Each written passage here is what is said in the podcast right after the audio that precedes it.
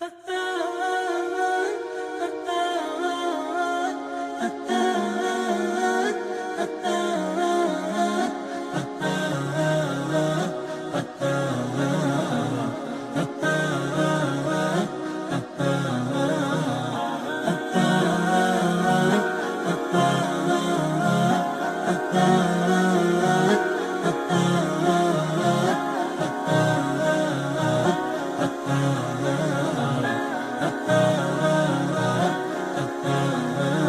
Bismillahirrahmanirrahim. Alhamdulillahi rabbil alamin.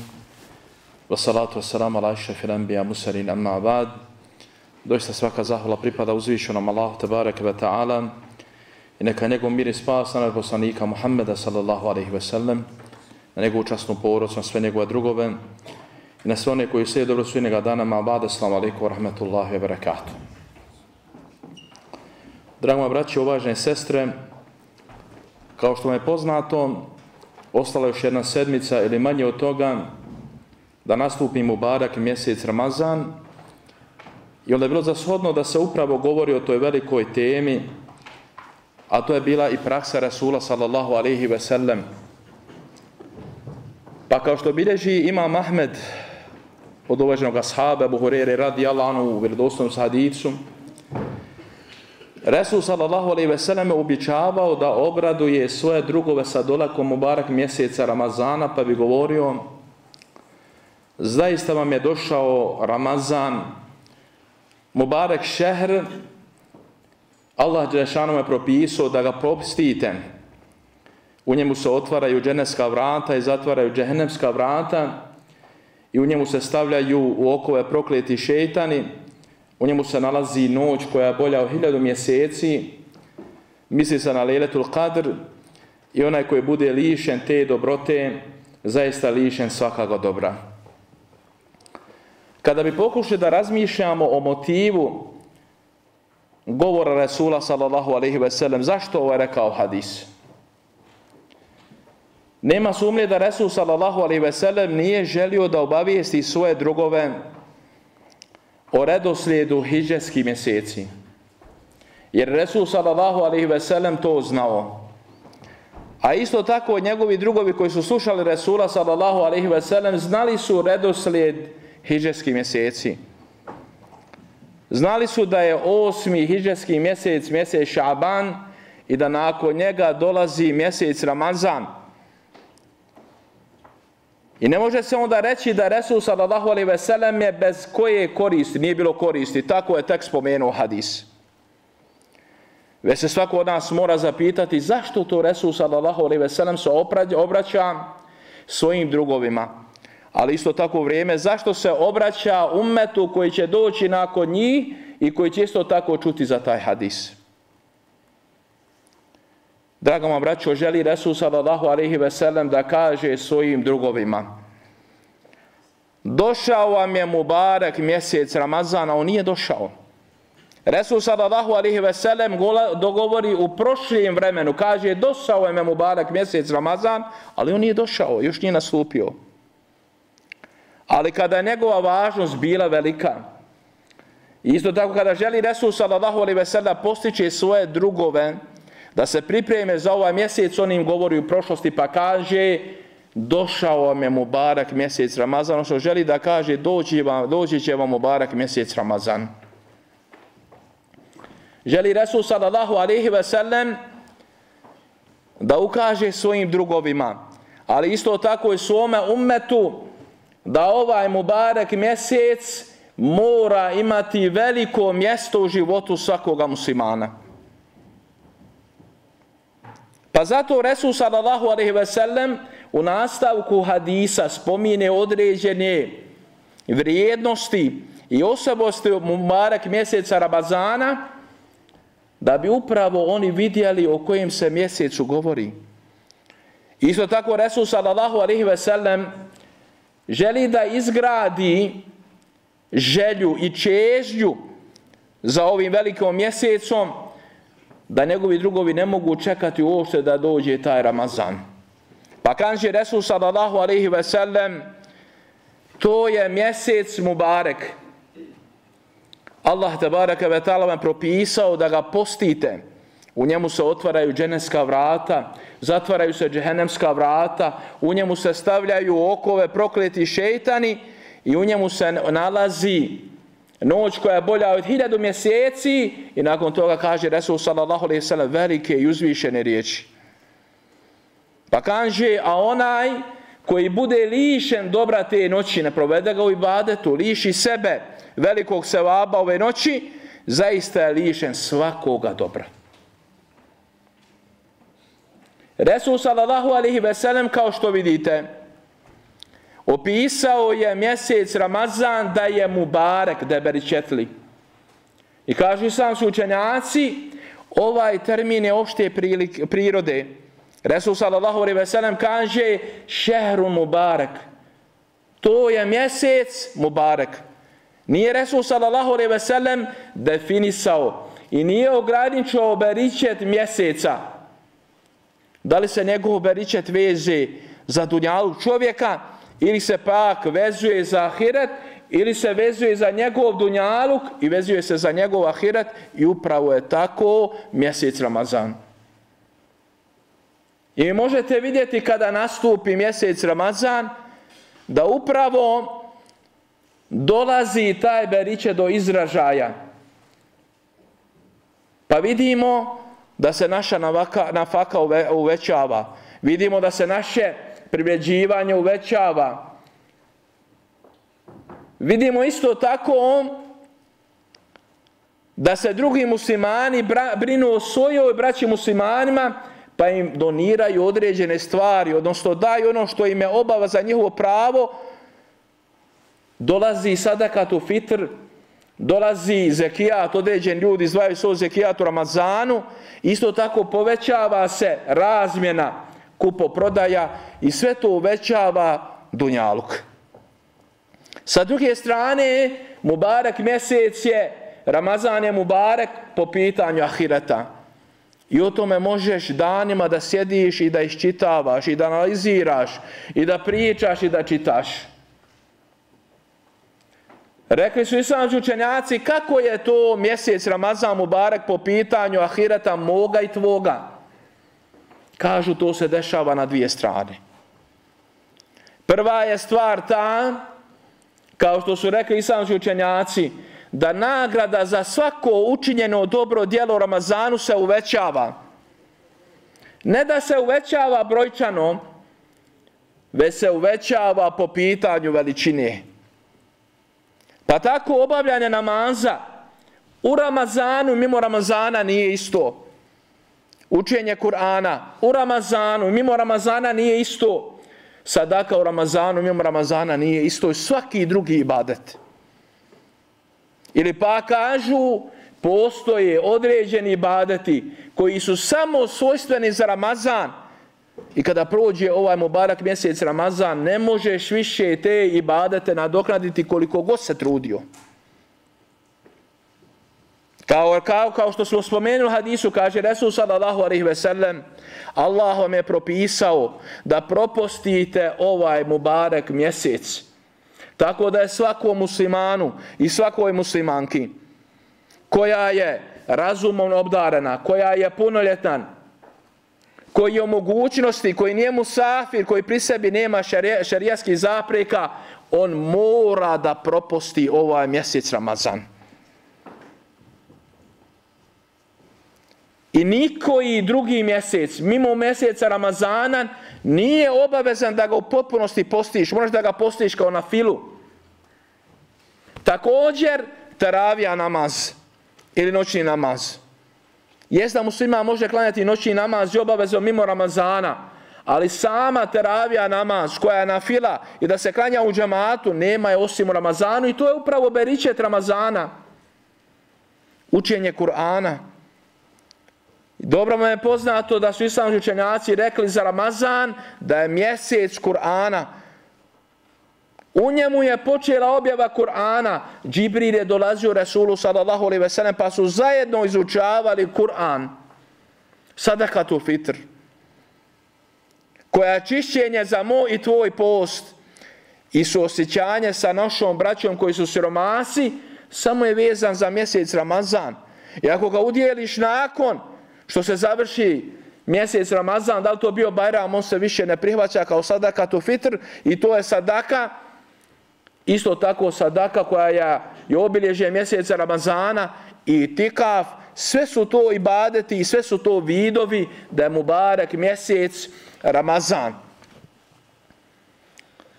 Kada se govori o pojedinim vrijednostima Ramazana, vrlo je teško odabrati i reći koja da se spomene vrijednost mjeseca Ramazana, a koja da se ostavi druga kada su sve velike uzvišene. Jedno od najvećih obilježja Mubarak mjeseca Ramazana je post. Allah tabaraka ve ta'ala ga je propisao nama kao ga što ga je propisao prethodnim narodima. Ja ladina amenu kutiba alaikum usijamu kema kutiba ala ladina min kablikum la'allakum tattakun ejama madudat.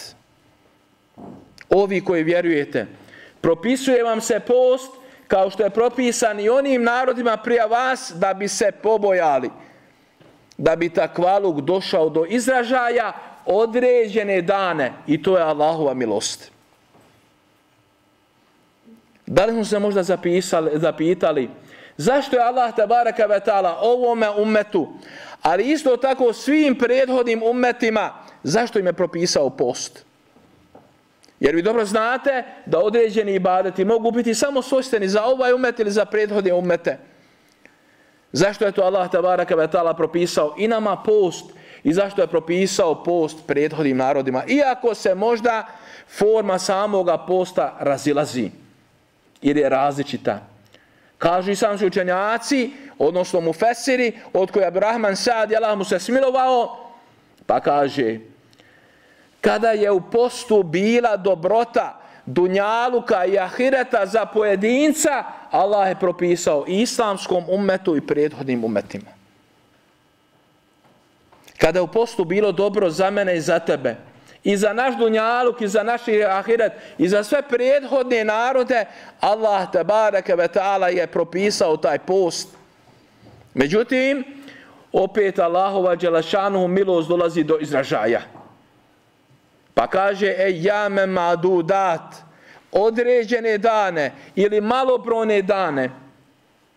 I kada uzmeš dana Ramazana, koji su ili 29 ili 30, zavisno od mlađaka, koliko je to procentualno u odnosu na, na čitavu godinu, u odnosu na 12, na 12 mjeseci, vrlo malo. I isto tako, nije nama propisano da postimo i dan i noć kao što je bilo kod prethodnih generacija kada su morali i po noći da poste ako bi se omrsili i ako bi zaspali. Allah tabaraka wa ta'ala nagradu za post je ostavio sebi.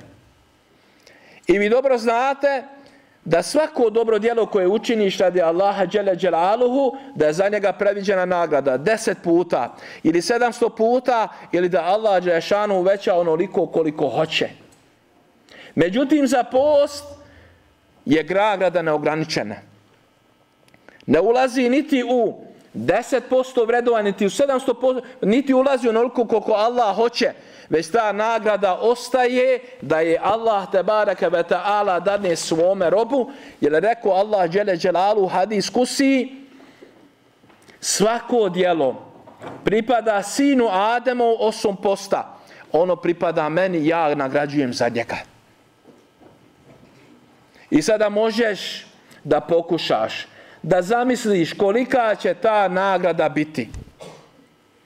Ili da pojedostavimo pa da kažemo, kada bi ti sada neko od siromašnih ljudi obećao određenu nadoknadu i rekao ti ja ću ti nagraditi, kako bi ti zamislio nagradu?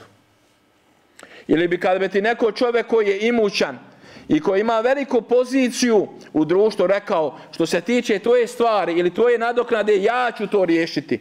Šta bi ti bi sjedio, razmišljao pa bi rekao ova se tiče ovog siromata, šta će on meni dati kad on ne posjeduje? A Boga mi ovaj bogataš, mogu bi on meni svašta nešto dati. Pa onda zamisli gospodara svih svjetova kome propadaju i nebesa i pripada mu zemlja i ono što je između njih Sve se to nalazi kod Allaha te baraka ve ta'ala. Zamisli kolika je Allahova milost prema tebi i meni. Zamisli kolika je Allahova dareživost i onda zamisli kolika dolazi nagrada. Jer nagrada biva shodno mogućnostima i milosti i darežljivosti i ne postoji granica za Allahovu darežljivost i može zamisliti onda koliko je Allah tabaraka ve ta'ala predvidio nagradu za post. Zašto tako? Pa upravo što nagradu za post niko ne zna osim Allah tabaraka ve ta'ala. Jer je upravo post bila tajna između tebe i tvoga gospodara. Svako je mogu od nas da se osamostali i da se napije vode ili da ide hranu i da izađe ispred ljudi i kaže ja postim. I niko to ne bi mogao primijetiti. Međutim, njegovoga iman i njegova želja za dobrim djelima nagoni da on posti. I onda ko može procijeniti reći ovaj post u sebi ima toliko i hlasa da on zavređuje 10 puta ili 700 puta ili mnogo puta. Ne može niko osim Allah tabaraka ve ta'ala. Pa je to onda sebi Allah Đešanu uzeo, pošto on sve zna šta se dešava na nebesima na zemlji, pa će on onda postača nagraditi onoliko koliko hoće. Sa druge strane, kada se već govori o nagradi posta, Resul sallallahu alaihi ve sellem je pojasnio da svaki onaj musliman koji proposti jedan dan na fili, na njegovom putu da će biti udaljen od džehennemske vatre 70 godina hoda.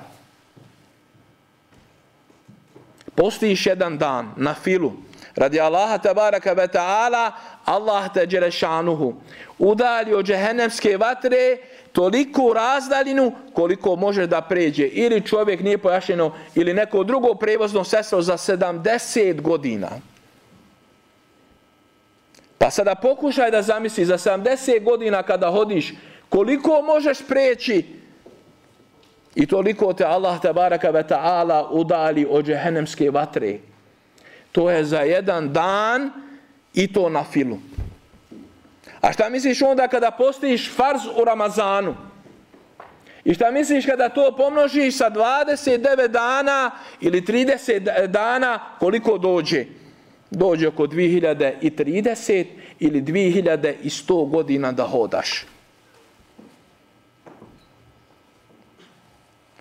Vrijednost Ramazana ili njegova jedna od odlika ili životnih prilika je i to on da je Ramazan jedan od povoda da se meni i tebi oprosti i grijesi.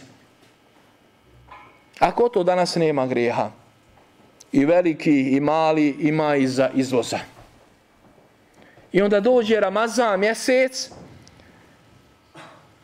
i u sebi nosi priliku da ti budu oprošteni prethodno učinjeni mali grijesi, jer za velike grijehe treba pokajanje, Pa kaže Resul sallallahu alaihi ve sellem Men same Ramadanan imanan wa ihtisaban gufire lehu ma te kaddeme min dembi. Onaj koji proposti mjesec Ramazan vjerujući u njegovu obaveznost i nadajući se nagradi bit će mu prethodni grijesi oprošteni. Misli se na male grijehe. Ali vidite kako Resul sallallahu alejhi ve sellem kada govori kako je precizan u svojim riječima.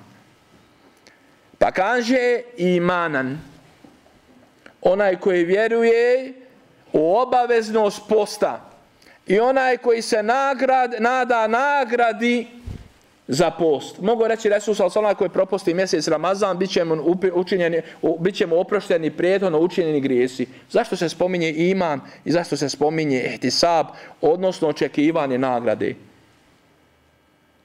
To je ta motivacija koja gura čovjeka muslimana i postača da isposti mjesec Ramazan. I da nema toga imana i da nema te motivacije ne bi mogao iznijeti treba da postiš 10 dana, 10 sati u toliko dana i da ništa ne jedeš.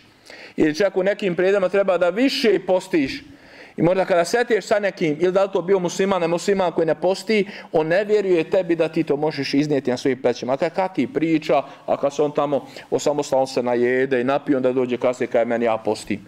10, dana, 10 sati da čovjek posti i ne samo jedan dan, 29 dana i 30, ma to je nemoguće. Moguće. Ako ima imana i ako ima ihtisaba, odnosno očekivanja da znači bude nagrada za post.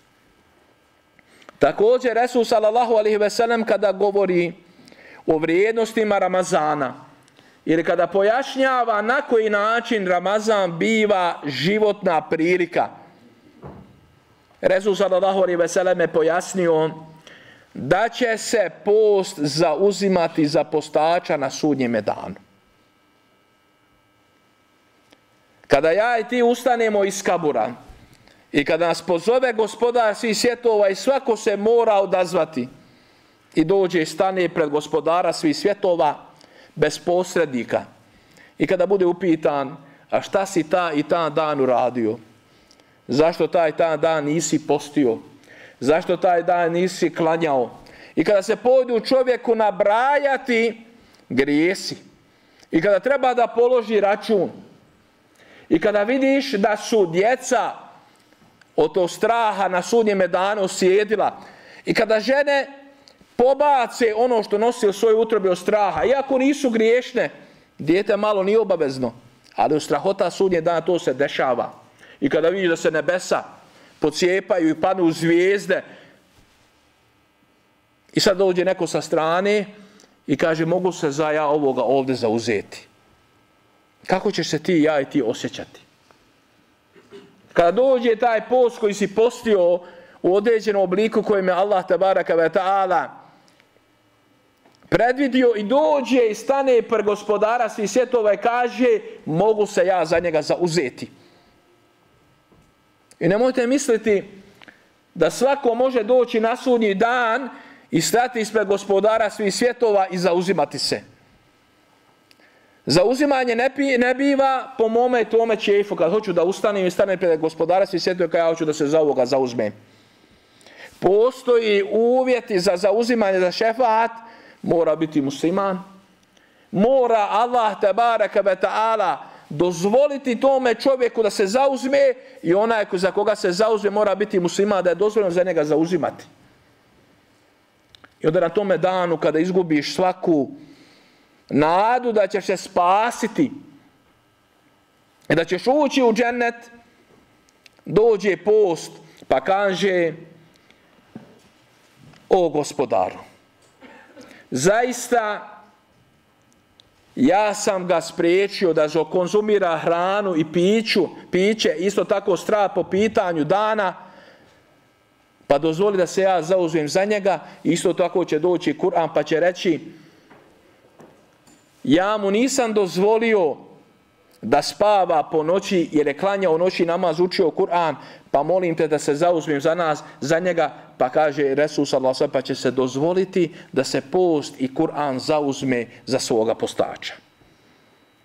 Jedna od velikih vrijednosti postaje ta da Resul sallallahu alejhi ve sellem rekao da svakome postaču pripadaju dvije radosti i da te radosti niko ne može da uživa osim postać. Pa kaže Resul sallallahu alaihi ve sellem, svakome postaču pripadaju dvije radosti sa kojim se on raduje, kada se iftari i kada sretne svoga gospodara. I vi ste svi svjedoci toga, da onaj koji posti I kada dođe iftar, čak više kada se približi vrijeme iftara, ti osjećaš radost.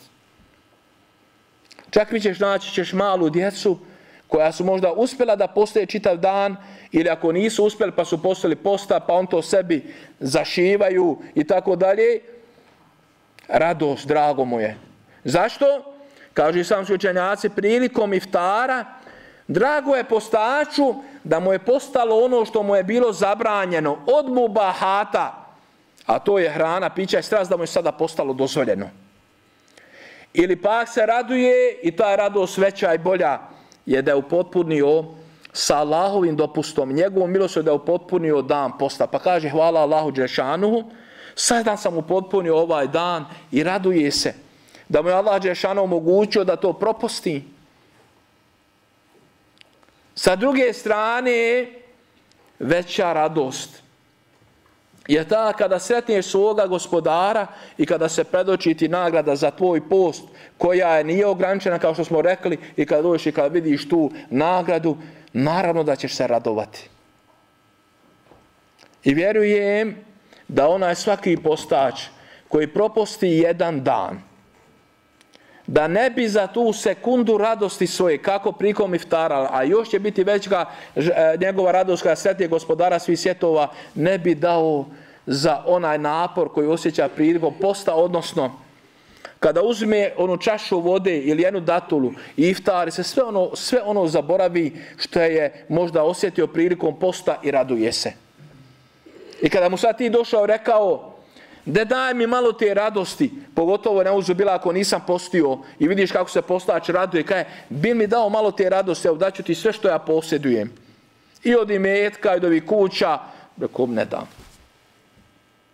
Jer ti koji ne postiš ne možeš tu radost osjetiti. A isto tako ja ovo živanje ne mogu da ti dadnem i ne možeš ga osjetiti osim kada budeš postio i na kraju to ti je jeftinije. Isto tako to ti je laše da dođeš do njega i ako hoćeš da osjetiš tu radost, nema drugoga puta osim da postiš istinski i ako Bog da kada jedan dan propostiš i osjetiš tu radost, nikada sa Allahom Đešanu dopustom nećeš ostaviti post. Resul sallallahu alaihi ve sellem kada govori o vrijednostima Mubarak mjeseca Ramazana, rekao je da je zadah usta postača da je draži Allahu tabaraka ve ta'ala od mirisa miska. Svi smo mi imali priliku da se sretnemo sa miskom. Imao si priliku da se namirišeš, imaš na tebi drago, kaže, jest ugodan ovaj miris. Međutim, kaže Resul sallallahu alihi ve sellem, zaista zada postača iz njegovi usta je kod Allaha tabaraka ve ta'ala bolji od miska.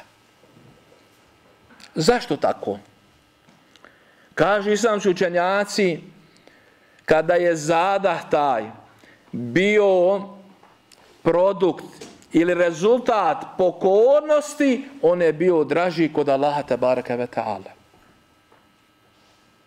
Isto tako kažu islamski učenjaci.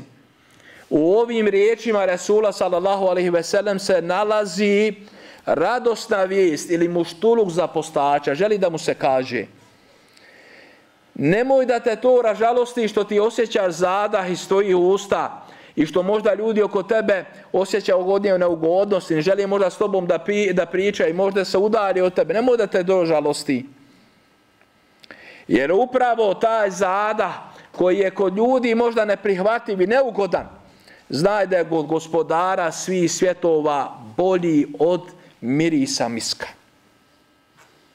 I kaže Ibn Hajar Askalani kada tumači ovaj hadis, Allah mu se smilovao, kaže ove riječi Resula sa osam na što ukazuju? Ukazuju da je miris iz postačevi usta na sudnjeme danu bolji od mirisa rane šehida. Jer vi dobro znate kada dođe šehid na sudnje dan da će mu ići krv kao što miša na Dunjaluku. I miris njegove krvi ili rane će biti kao miris miska.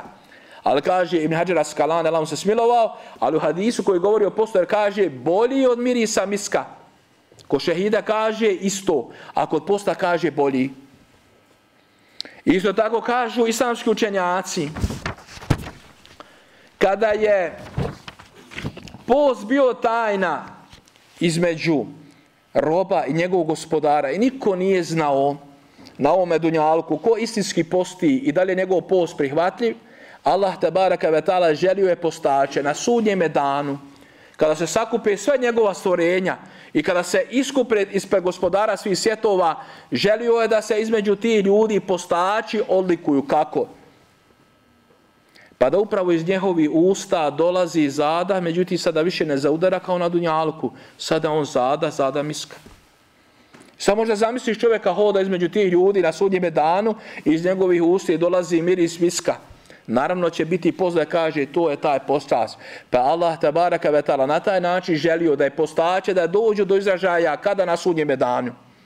Kada je bolje i kada je vrednije nego na dunjaluku. Niko ne zna na dunjalku ko posti, pa kaže Allah te baraka ve tako što je rekao Resul sallallahu ne sada će počastiti pocače, pa će hodati između ljudi na sudnjem medanju, a iz njegovih usta će dolaziti miris koji je bolji od samoga miska. Međutim, ono što je vrlo važno da se spomeni, drago vam vraću uvažene sestre, kada se govori o vrijedima, o vrijednostima posta, da se možda treba zapitati šta je to istinski post. Mi dobro znamo da su islamski učenjaci definisali su pa su rekli post je da ostaviš hranu, piće i strast i ono što uzima njihov propis od zore pa do zalaska sunca. I onaj koji to uradi, njegov je post, je ispravan i ne treba da napoštava taj post. Međutim, da li je taj njegov post prihvatli kod Allaha tabaraka ve ta'ala?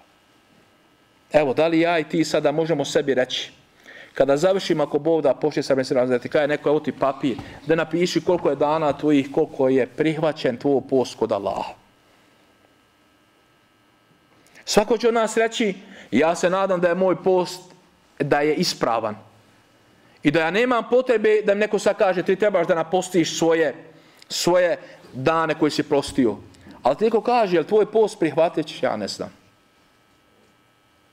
Nije isto on da je neki određeni ibadet, da je ispravan i da je prihvati kod Allaha Đelešanu, da bude lakše da to možemo pojmati, vrati se na primjer, na primjer namaza.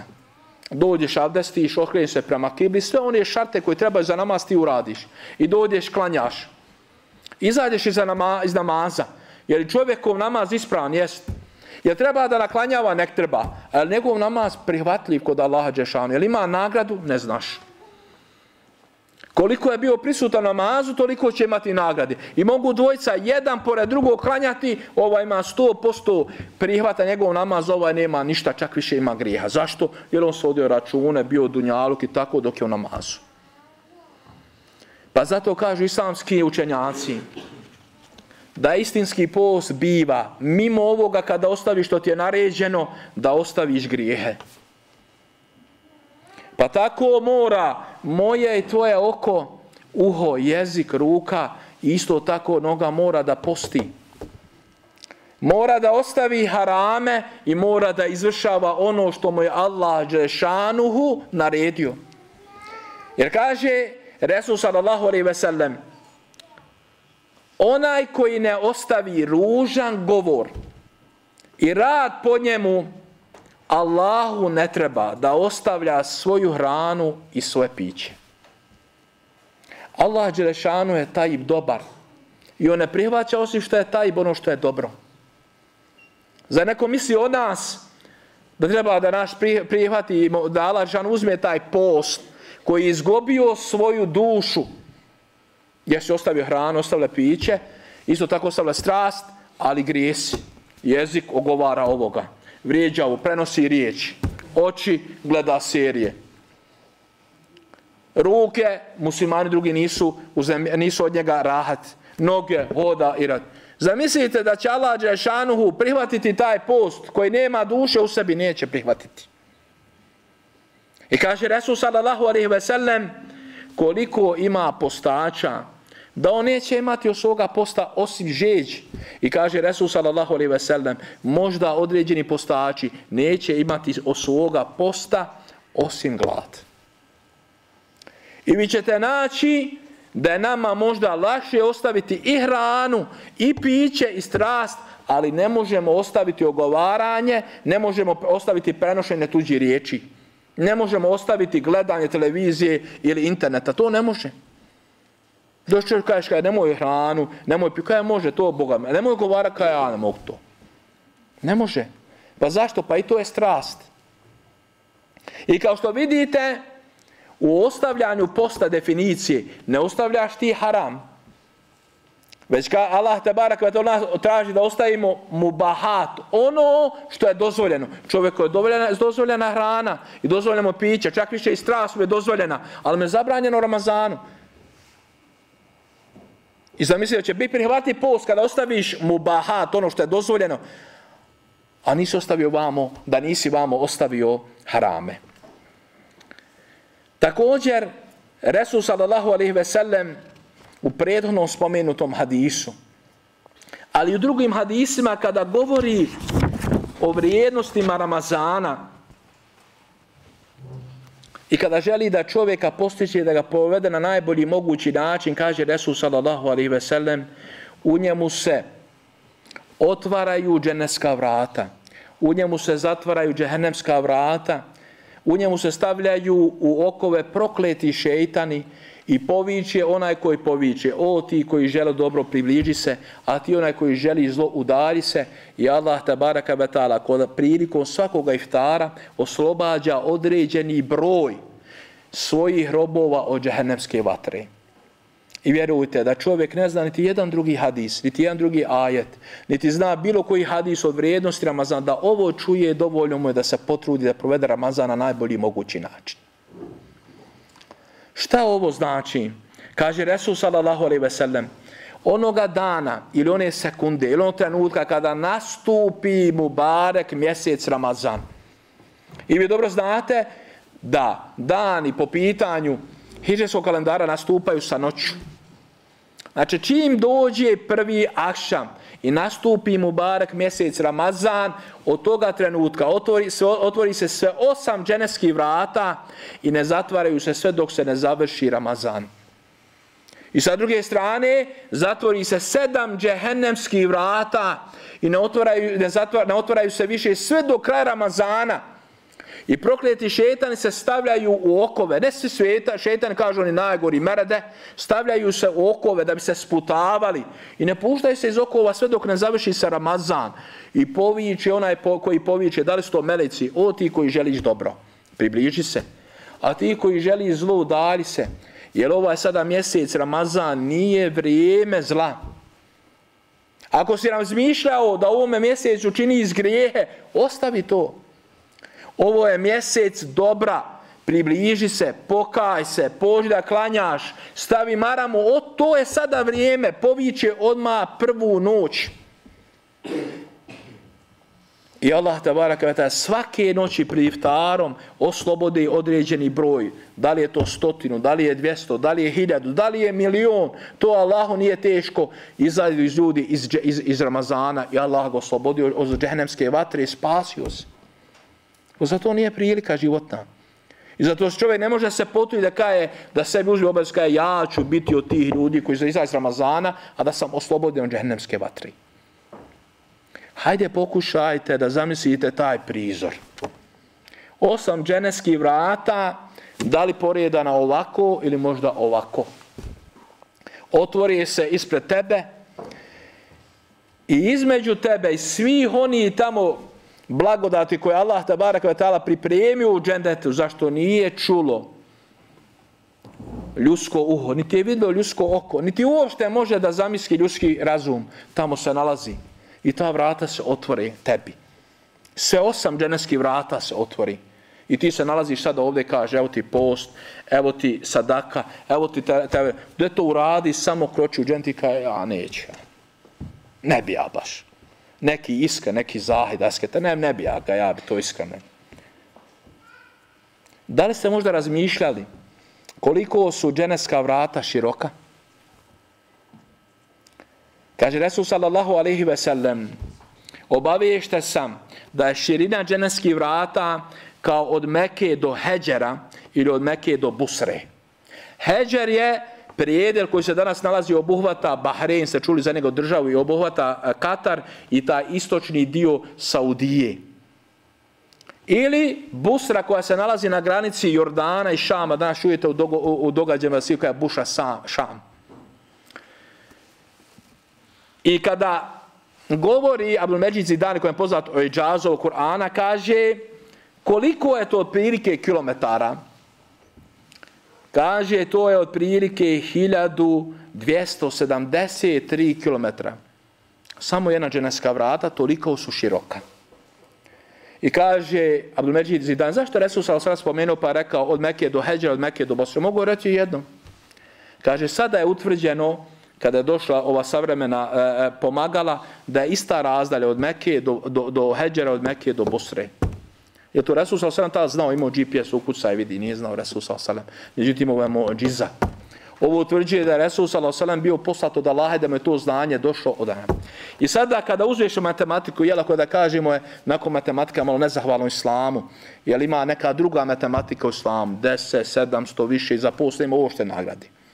I kada to sad ukocaš te gradove na neka pomagale aplikacija ti pokaže, kaže to otprilike 13 sati da se voziš autom, ne pješke, ne kaminom. Od jednoga čoška vrata do ideš 13 sati se voziš. I sada kad bi to ti pomnožio sa 8 vrata, sa 8 vrata dođe kod 10.000 i 1840 km ili oko 104 časa. A kaže Resul sa osvijem u drugom hadisu da je raspron dženevskih vrata 40 godina hoda. Kako sada kažeš ovdje imamo ovu razdalj, imamo ovu, pa kažu islamski učenjaci da se možda širina dženevskih vrata razlikuje. Pa ona najuzvišenija dženevska vrata, njihove 40.000 godina, a ova druga vrata su manje ili kada poreda kaže se dženet jedan i za drugo kako su stepeni, šta ćeš znači da ćeš ona vrata najgodina su najviše, da su najviše proširene. I subhanal, nakon toga čovjek izajde iz Mubarek Ramazana, da nas Allah Đešanu liči toga i nije ušao, ama baš ni na jedna vrata. A hajde što nisi mogu ući na vrata Rejan, koja su predviđena za postače, kada prođe, više nikad neš biti žedan. Pa nisi se našao ni u Sadaki, pa nisi se našao u džihad, pa nisi... Pa ima i jedna vrat, i tolika, i da ni tolika ne možeš pogoditi. I treba se čuvati jedne situacije koje Resul sallallahu alaihi ve sellem spomenu. Mi sad kada slušamo, kada je, pa što je to problem? Tolika širina, šta da se guram? Polako, uđeš polako. Je. Kada je Resul sallallahu alaihi ve sellem, ali će doći dan kada će biti velika gužva na tim dženevskim vratima. Neće to biti tako tako otvoreno i prosto crveni tebi kada ti uđi ovdje polako, ti si još pogotovo, si neka zvanca, ti uđemo se gura sa ljudima, he uđi ovdje. Kada dođe na vrata i kada se polju ljudi gurat, neće niko niko poznavati. Sad mi ovdje sjedimo, pijemo kafu i mi tako lijepo, kada bil ti mene pustio da uđe na džesko, ha bete, ne pošto je osam vrata, toliko široka, hajde uđi. A kad dođe tamo i kad se pojego, niko nikog ne zna. Brate, čekaj, mi ovdje bili malo kaki, roten, a, a, svi se guraj, kaj resursa sam, zaista će doći dan i to je istina i bit će. Doće dan kada će biti gužva na ove osam vrata i voli kišerina. I zato se treba pripremati za taj dan. Isto tako, zašto je Re, Allah, Resus, sam sam rekao, ili Allah, zašto je stavio proklete šetane okove? Da bi upravo nama olašao. Je jedan od najgorih povoda za griješenje prokleti šetan. Iako mi njemu, da kaže, neću reći, u dosta situacija mu činimo i nepravo. Šta go se desi mi griješio, kada je šetan proklet nagovorio? Možda nekaj nije nagovorio. Ima dosta razloga, nije samo razlog za, za, za činjenje grijeha, nije samo prokleti šetan. Ima duša koja te naređuje, ima okruženje i sliš tome, ali jedan od najgorih razloga je šeitan. Pa Allah te barakvata iz svoje mudrosti, iz svoje dobrote prema nam i naše milosti što je stavio je proklete šeitane u okove. Da on ne može djelovati kao što bi djelovo da je bio slobodan. I vi vidite da se u toku mjeseca Ramazana da se umanje grijesi, ne da bude znači u potpuno za nema, međutim umanje se grijesi, jer upravo to je znači ona, ona Allahova tabaraka ve ta'ala dobrota prema nama. Također od vrijednosti Mubarak mjeseca Ramazana ili životnih prilika u njemu to je taravija namaz. Ili noćni namaz, pa rekao Resul sallallahu alaihi wasallam, onaj koji bude klanjao u Ramazanu, na, vjerujući u obaveznost toga i nadaći se naradi, bit ćemo u, u, u oproštene prejene učinjeni grijesi. I kaže Resul sallallahu alaihi ve sellem došao je čovjek iz plemena Buda kod Resula sallallahu alaihi pa rekao, o Boži poslaniće, ako posvjedočim da Allah džrešanhum jedino is, istinsko božanstvo je da si ti poslanik i klanjam pet dnevni namaza i danem zekijat i propusti mjesec Ramazan i budem u njemu klanjao, gdje ću ja biti, u kojoj ću biti kategorije, kaže Resul sallallahu alaihi sallam, ti su sidika Allahovi iskreni robova i šehida šuheda na sudnjime danu. Isto tako od velike Allahove tabareke ve ta'ala blagodati. I znao je Allah Đešanu koliko smo mi inače spremni za teraviju. Većinu mi da kajemo dojem sam se raspravljamo koliko rekiata i to provedemo možda pola Ramazana da se mi ubijedimo koliko treba rekiata, klanjate vamo ljudi klanjaju i to nas prošlo. Ova je lijepo nauči učač, ovo je Boga me klanja brzo kod travu, klanja spor i tako nama prolaze dani i noći, a mi ne klanjamo traviju namaz. Možda će neko od nas biti bolestan. Žena će možda imati svoje šarijaske zapre, neće moći klanjati, pa je došla Allahova tabara kavetala milost i što je da kažemo ujedno i, i, i vrijednost Mubaraka mjeseca Ramazana kada je klanjao Resul sallallahu alaihi sa svojim drugojima, pa je mate došao Sehur, pa je došao Mebu Drgi Fara kao Božu poslije. da još da, da, da, da nastavimo klanjati, kažemo Resul sallallahu alaihi ve sellem. Onaj čovjek koji bude klanjao sa imamom, sve dok imam ne završi, bit će mu upisan kijamu le noći namaz ono što je ostalo od noći. Koliko se mi danas lišimo te velike blagodati? Dogledam klanjamo za imamom, imam klanja možda 20 rekiata, ne mi 8, sunet. Ne osam iza, izađe, te sebe se lišio ove blagodati. Jel ti to smijeto da klanjaš, da završiš? I da onda izađeš i da provedeš preostali dio noći da se ti upiše kao e, noćni namaz, jer koliko to nas bogati klanja pa da kada nema potrebe za hadisom. Svaka kada ja to završio, otide čitavu noć, ja klanjam. Često se najede kad dođe jedva klanja i on je osam rekiata, doje tamo reži, šta će drugo raditi?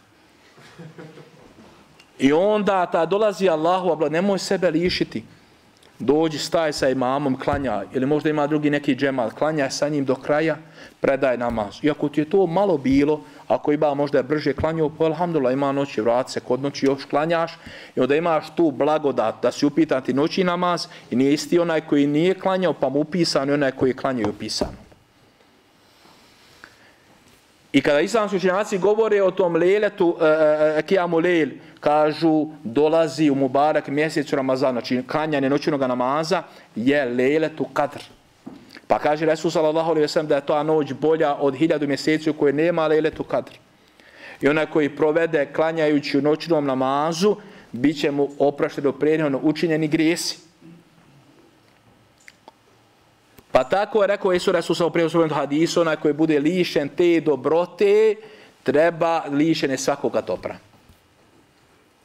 I zato znači treba čovjek da traži leletu kadri da je provedeo i badati. Od Allahovi Đešanu je blago da to da nije rečeno moraš klanjati, moraš ući ove zikrove, moraš optrećavati, provedi klanjaj noćima. Uči, uči da učiš kao hoće da činiš zikr tebi ostavljam. Čak više samo znači prenesena je doba kada je Iša rekla o Boži posljedeće ako dospijem do lele, do lele, to kaže šta ću uči, kaže uči tu dobu, gospodaru mi, ti si onaj koji voliš oprost, pa mi oprosti. Samo kad to čovjek čitao, već sjedio i govorio, ako Bog da, to mu je dovoljno. Zašto se ne zna kada je tačno leletu kadr? Ili smo mi možda mišljeni na 27. noć, ništa ne radi do 27. noći, dođem, od obavim noć, onda počne da se opesa slobodan do Bajrama. Ovo je nekako mišljenje najljepše, nekako najpraktičnije. Uzmiš da je svoje mišljenje i po njemu ideš. Kažu sam učenjaci oko Ibn Hađara, Ibn Ređeb, Ibn, Ibn Ređeb Hanbeli, Allah mu se smilovo, kažu jedna od mudrosti zašto je nepoznata ostala liletu kadr, kao što je Allahovo ime i druge, je kao od mudrosti da se čovjek trudi da je traži. On kreni od početka Ramazana traži non stop liletu kadr. Kaj možda ova noć pa provedu i bad, pa kaj nije ova ma noć pa provedu. I non stop čita mjesec on traži liletu kadr i on je u badetu. Da li je njegovo stanje i stanje ono koje uzme jednu noć i proklanja, da li su isti ne mogu biti isti. Da li po pitanju bezbednosti je ona isti koji je rekao ja ću uzeti ovo mišljenje, ali ima toliko drugih mišljenja i mimo išla ga leletu kadr, a ovo je čitav Ramazan prvoj batu, morao je pogoditi leletu kadr. Koliki je postotak ovoga čovjeka koji klanja svaku noć i onoga koji ne klanja, koliki je postotak da pogodi leletu kadr, to je neuporadljivo. I zato znači treba čovjek sebi da uzme obavezu kada nastupi leletu kadr da klanja.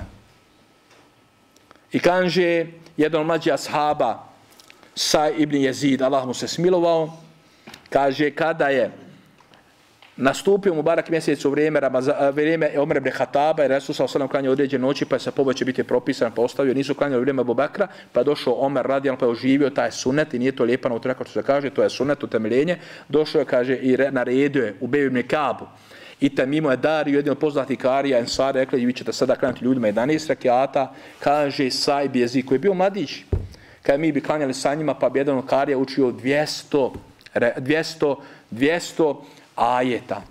Ne ovi ajeta, i na taj neke uthre tako, nego malo duže ajete.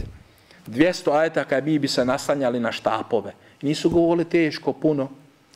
Ko što mi danas kažemo, možda klanjao manje, ne može ovo dužio kako taravio, on je možda sve ukupno klanjao neki, kad mu sve obroj možda je neki, ne znam, 50 ili manje, čak više, znači učio je ajeta.